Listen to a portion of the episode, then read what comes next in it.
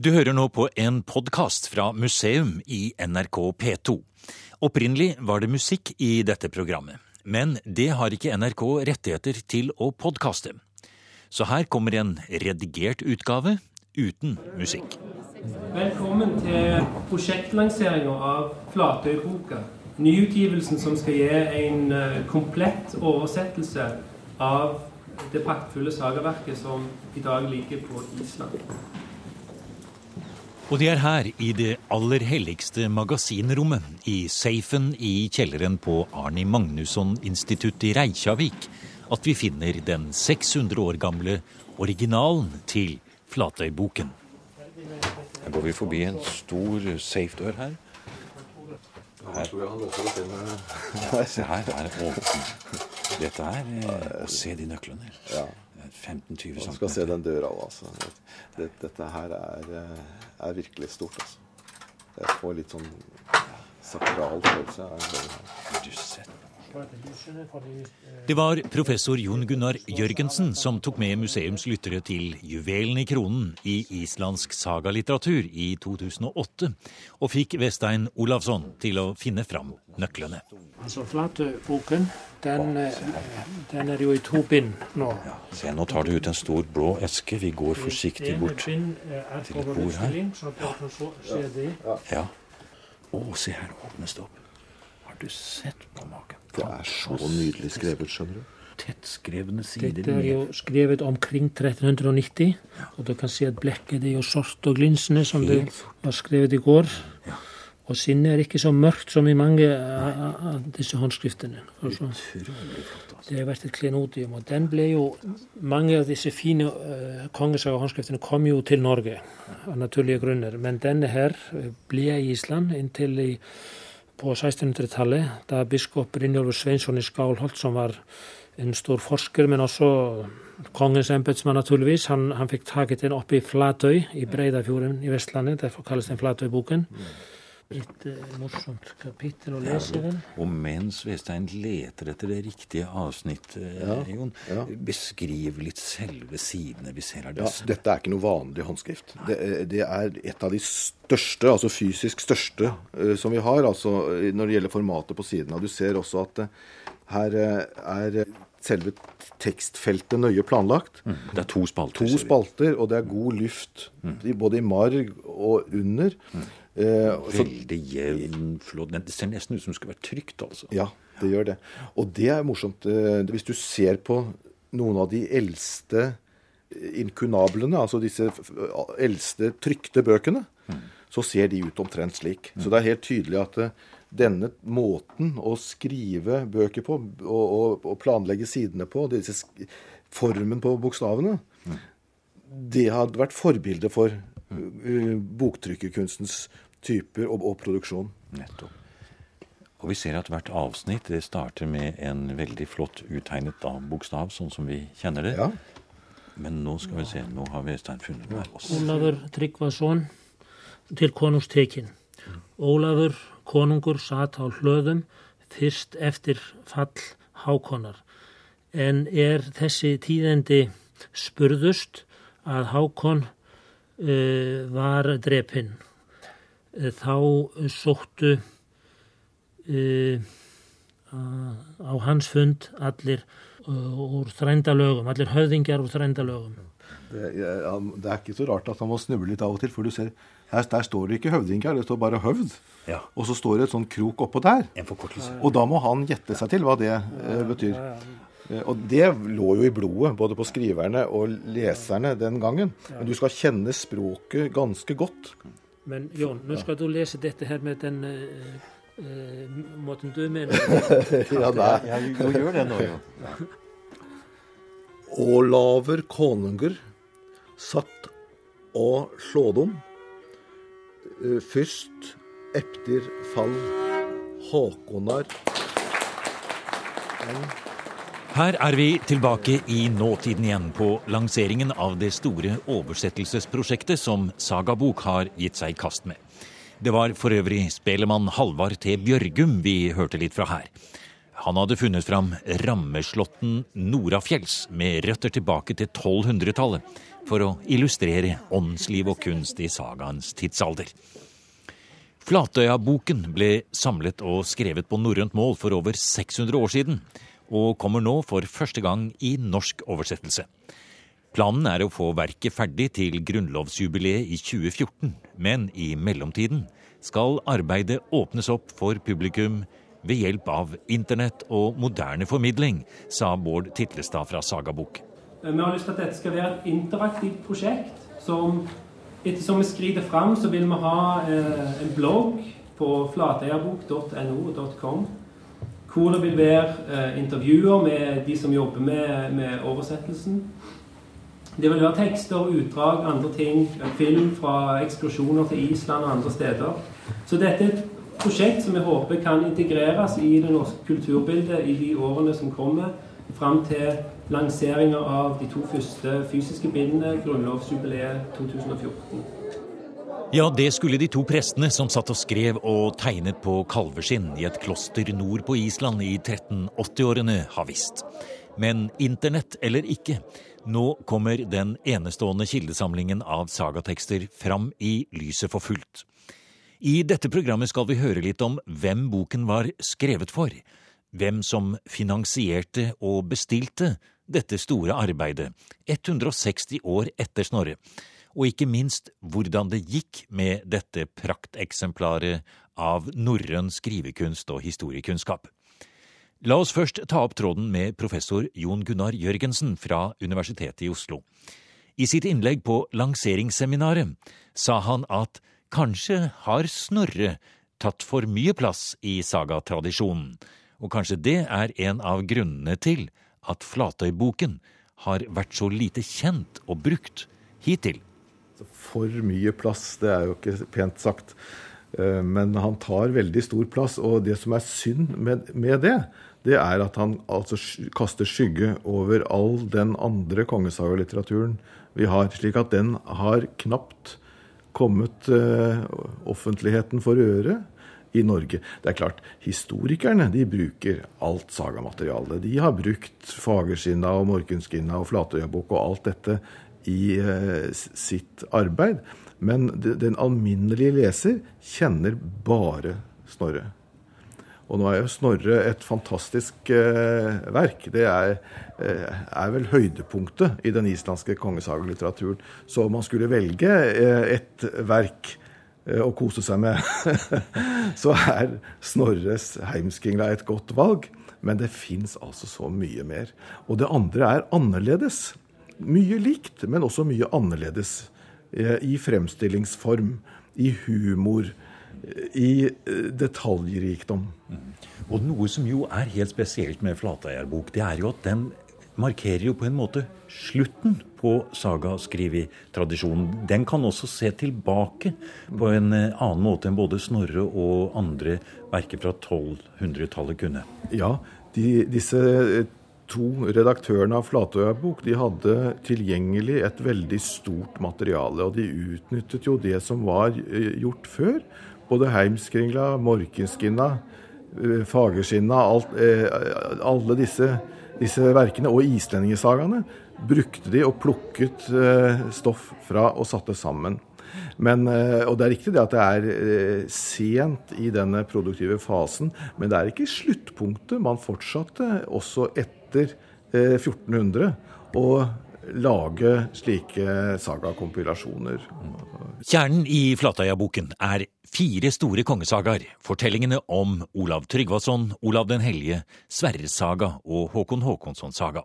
Pluss en bonussaga om Eirik den vidfarne, som reiste helt til paradis og kom tilbake med den kristne lære.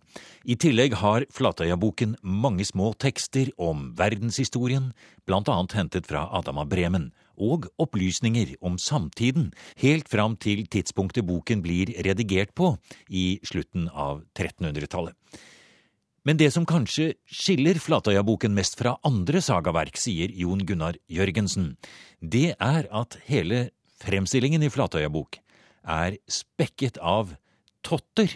En, en tott det er egentlig en, en, kortfortelling, en liten novelle, som godt kan leses for seg selv. Og de er alltid knyttet til en person, en islending, som som regel reiser til Norge, opp, eh, oppsøker det norske hoffet og gjør gjerne lykke hos kongen, og, og, og kommer eh, tilbake til Island som en vel ansett et mann. Veldig morsomme småhistorier eh, som er et, et, et eh, krydder til denne, denne fremstillingen. Og disse tottene de er i veldig liten grad kjent for norske lesere. De er ikke, det er noen av dem som er oversatt, og noen i forskjellige sammenhenger. Men det, der er det veldig mye som er helt ukjent. Altså. Stor, vakker og ung er professor Jon Gunnar Jørgensens karakteristikk av Flatøyboken. Stor i kraft av volum og de romslige kalveskinnsidene, som måler 42 ganger 29 cm. En flokk på mer enn 100 kalver må ha gått med bare for å skaffe nok skinn. Ung fordi Flatøyboken er en av de siste store sagaverkene.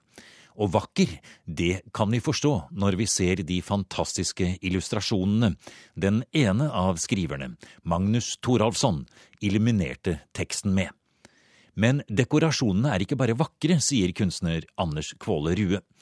Som illustratør av det nye bokverket har han dykket dypt ned i den verdenen av magiske symboler og bilder som stiger opp fra 1380-årenes Island. Ja, hvis det er magisk. Og det overraskende når du sitter der med originalen, det er at det er så levende, og det virker så velbevart. Altså Enkelte av fargene er så briljante enn i dag at de nesten det skinner som om de skulle vært malt for en time siden. Så det er levende, og det har et uh, veldig fascinerende visuelt, mystisk uh, språk. Mm -hmm. Så det, det, alle spør seg om når de ser dette her, det er hva skal dette bety? Hva, hva slags tanker, hva slags uh, symbolikk er det illustratøren her sitter inne med? Og det beste jeg kan gjøre da, det er å prøve å få ta inn helheten i det visuelle og prøve å gjøre sammenligninger både med europeisk illuminasjon generelt, men òg norske og nordiske forhold, hva som er blitt gjort visuelt i stavkirkene, men òg så langt som tilbake til vikingskipene. For jeg mener det henger sammen. Bl.a. den dyreornamentikken som Magnus Thoralsson brukte i Flatøyar bok. Og det kan ha vært, sa du, en avansert symbolikk som vi kanskje ikke helt får tak i i dag. Men du sier det kan også hende det er en burlesk humor inni dette. Det er et svært spenn i Magnus Thoralsson sine figurer. Han lager alltid fra naturalistiske historiske skikkelser og til fullstendige groteske hybrider som kan ha eh, et menneskehue, en, eh, en eh, fantasifull, forvridd dyrekropp og kanskje en krone på, på, på toppen, eller en biskopmitra, eller en hatt. Og, og, så har han da alt innimellom de to ytterlighetene. Altså Han har dyr som tilsynelatende kan se ut som en ulv eller ei bikkje. Og så kan han plutselig ha et eller annet fabeldyr, altså noe han har dilla på. Det er dyr kun med to bakbein. Det kommer stadig igjen. Og noen ganger med menneskehode også? Ja, det stemmer. Så eh, altså en spekulasjon fra min side det er om Magnus Thoralsson putter inn disse nærmest sjokkerende figurene for å hjelpe leseren til å holde oppe konsentrasjonen og stadig få en vekker. Ja, Det er jo nesten som du beskriver et møte i layout-avdelingen i en tabloidavis her. Altså dette med å ha illustrasjoner for å understreke poenger, for å gjøre det litt eh, spesielt. Kanskje overdrive litt også enkelte ganger? Ja, ikke bare overdrive litt. Han, eh, de illustrasjonene som er i disse illuminasjonene, de lever på en måte sitt eget parallelle liv. Eh, parallelt med teksten. Altså teksten handler om én ting, og så kan illustrasjonene vise et eller annet som tilsynelatende er veldig, skjønne, veldig, vanskelig å skjønne at har noen sammenheng med teksten, men du sperrer iallfall øynene opp. So I myself have argued that Fatarbok would have been a gift with a purpose, and the purpose would have been to encourage young King Olaf to follow the example Flatøyboken må ha vært tenkt som en gave med et helt bestemt formål, sa universitetslektor Elizabeth Ashman Roe fra universitetet i Cambridge. Hun er en av medredaktørene i den nye oversettelsen, og argumenterer sterkt for at Flatøyboken var planlagt som en overdådig gave til det nye norske kongsemnet teksten skulle påvirke den unge Olav den 4. Magnusson. So were to pretend that you were young Prince Olaf and you were reading this beautiful manuscript and hearing these stories, it becomes very obvious what the patron of the manuscript wanted him to do. He wanted him to follow the Langt fra Island, nede på Akershus slott i Oslo, satt den unge kronprins Olav sammen med sin mor, dronning Margrethe den første. Hun hadde store planer for en ny nordisk union, med Olav som en samlende konge i hele Norden. Ettertiden vet jo at Margrethe greide å få sin sønn anerkjent som konge, både i Danmark og Norge, og meningen var at Olav den 4. skulle bli den første kongen i det vi i dag kjenner som Kalmarunionen. Hva ville det føre til for Island? Og hvordan kunne en sagatekst bety noe fra eller til? For å svare på dette må vi se på hvem som bestilte Flatøyboken og var sponsor for dette store bokprosjektet der oppe på Nord-Island i 1380-årene. Vi skal til en av de store gårdene og rett inn i en verdensvant og oppegående intellektuell elite, sier hovedredaktør professor Torgrim Titlestad.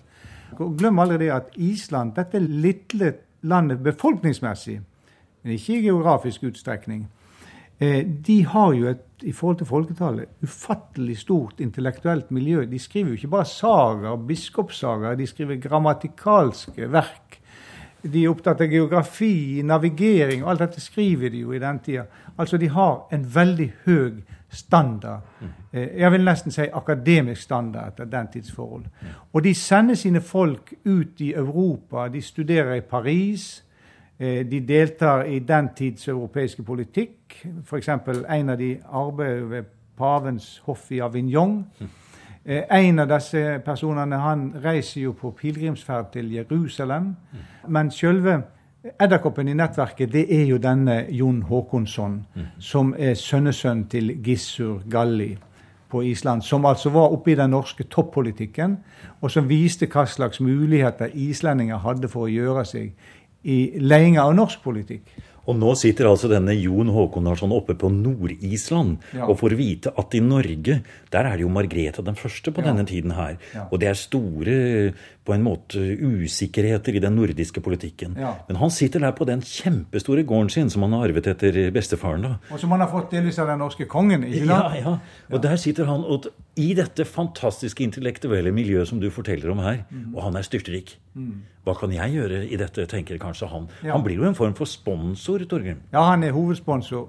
Men det som er interessant sånn nettverksmessig sett og generasjonsmessig, det er at han lever da naturligvis i en veldig solid muntlig tradisjon. Og han har sin farfar som blir 101 år gammel, mm. og har vært litt av hvert den mannen har gjennomgått. Og så er han i 20-årsalderen, og det må ha hatt en enorm påvirkning på denne unge, rike mannen Jon.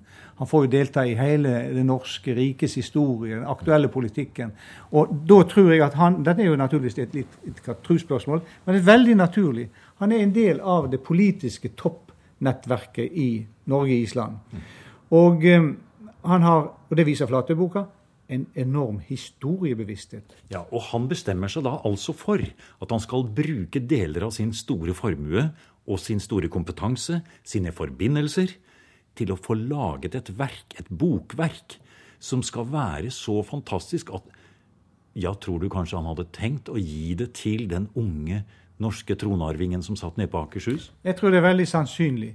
Fordi at eh, når du leser sagaene, så ser du at et fokus i sagaene er individets betydning.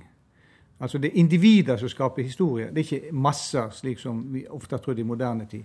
Og han vet at kulturen i Norge og på Island, og ved Det kongelige hoff, det er at eh, kongehistorie er essensiell for å lære seg hvordan virker politikk. Hvordan fungerer et samfunn. Og eh, det som jeg tror er hans ideer, det er å gi til det unge norske kongsemnet et skoleverk i hvordan en norsk konge skal opptre etisk og kulturelt. Og inn i dette så ligger det et bilde av at islendingenes rolle i norsk historie er viktig. Og det kommer jo fram i Flatøyboka. Og altså, det er ett hensyn til Norge og Island.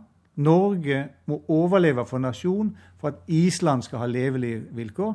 Og inn i det bildet igjen så må det vises til den store betydning islendingene har hatt for Norges historie.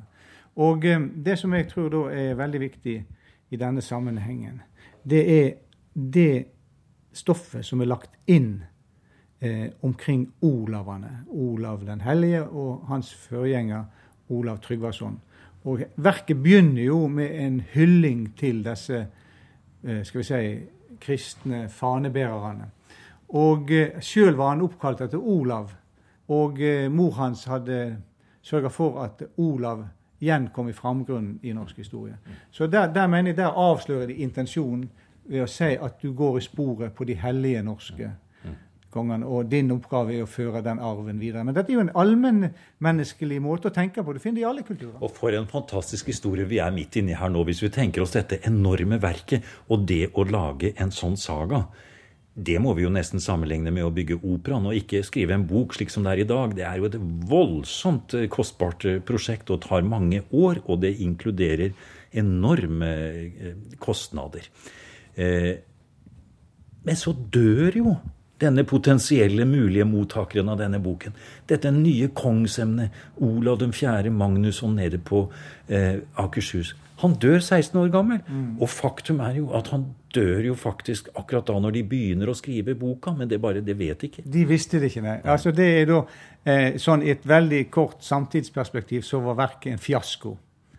Altså Det nådde ikke den mulige mottakeren. Eh, men det er jo det som er da det fantastiske å vise historiske perspektiv. Altså, det var en fiasko i 1387, og nå kan vi ta dette i bruk etter 600 år. Mm. Flatøyerbok kom jo aldri til Norge. Sponsor Jon Håkon beholdt den selv, og etter flere generasjoner ble den levert til Kongens bibliotek i København og tilbakeført med enorm pomp og prakt i april 1971 til et flaggsmykket Reykjavik, hvor alle som kunne gå, var på bena og tok imot.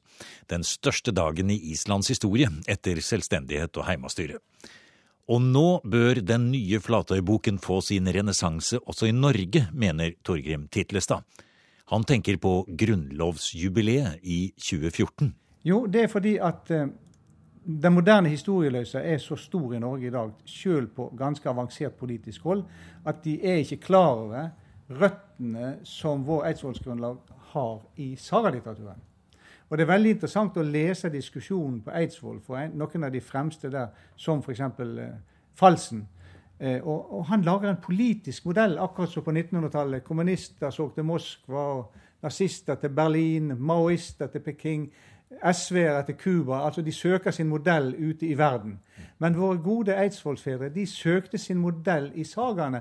Og de leste Olav Haraldsson den hellige, som var en stor kristen konge. Så fant de ut nei, han er ikke god nok. Han var for brutal. Og så ser de på Olav Tryggvason. Ja, han var en god kristen, men han var for brutal. Så ser de Håkon den gode, og så sier de Håkon den gode er den mest avanserte samfunnsmodellen du hadde i verden. Og Nå kan vi naturligvis i dag kritisere eidsvollsfedrene for de hadde et for romantisert oppfatning av sagaene sin framstilling. Eh, men det er egentlig lite interessant, for de forsto essensen, at det handler om frihet og demokrati. Og eh, det at da i 1814 sagaene ble viktige, det er greit, men så, omkring 1905, så er det et, en leiende atmosfære på Stortinget at grunnlaget for norsk selvstende, politisk uavhengighet, det ligger i sagaene. Det er vedtak på Stortinget. Derfor gir de ut Snorre på nytt. Fordi, og Du kan jo si det er en form for indoktrinering, og det er det jo ingen tvil om at det er.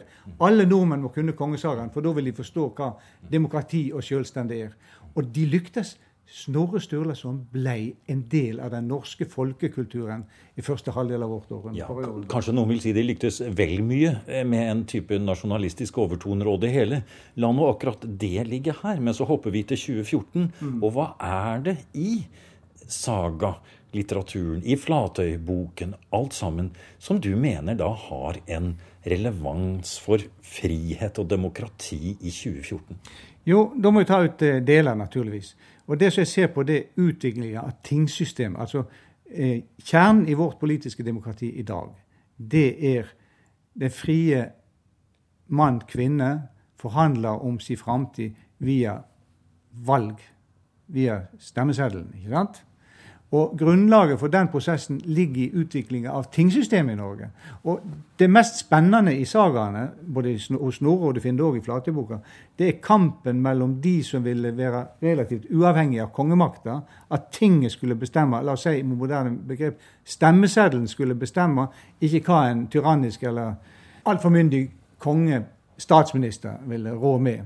Og det er det folkelige innslaget i vår historiske politiske utvikling som skiller seg fra veldig mange andre. Derfor sier de ute i Europa i Norge kommer lovene nedenfra, mens ute i Europa er det konger og paver som har bestemt hva folk skal tenke. Det tror jeg er en viktig forskjell, og det finner vi i Flatøyboka.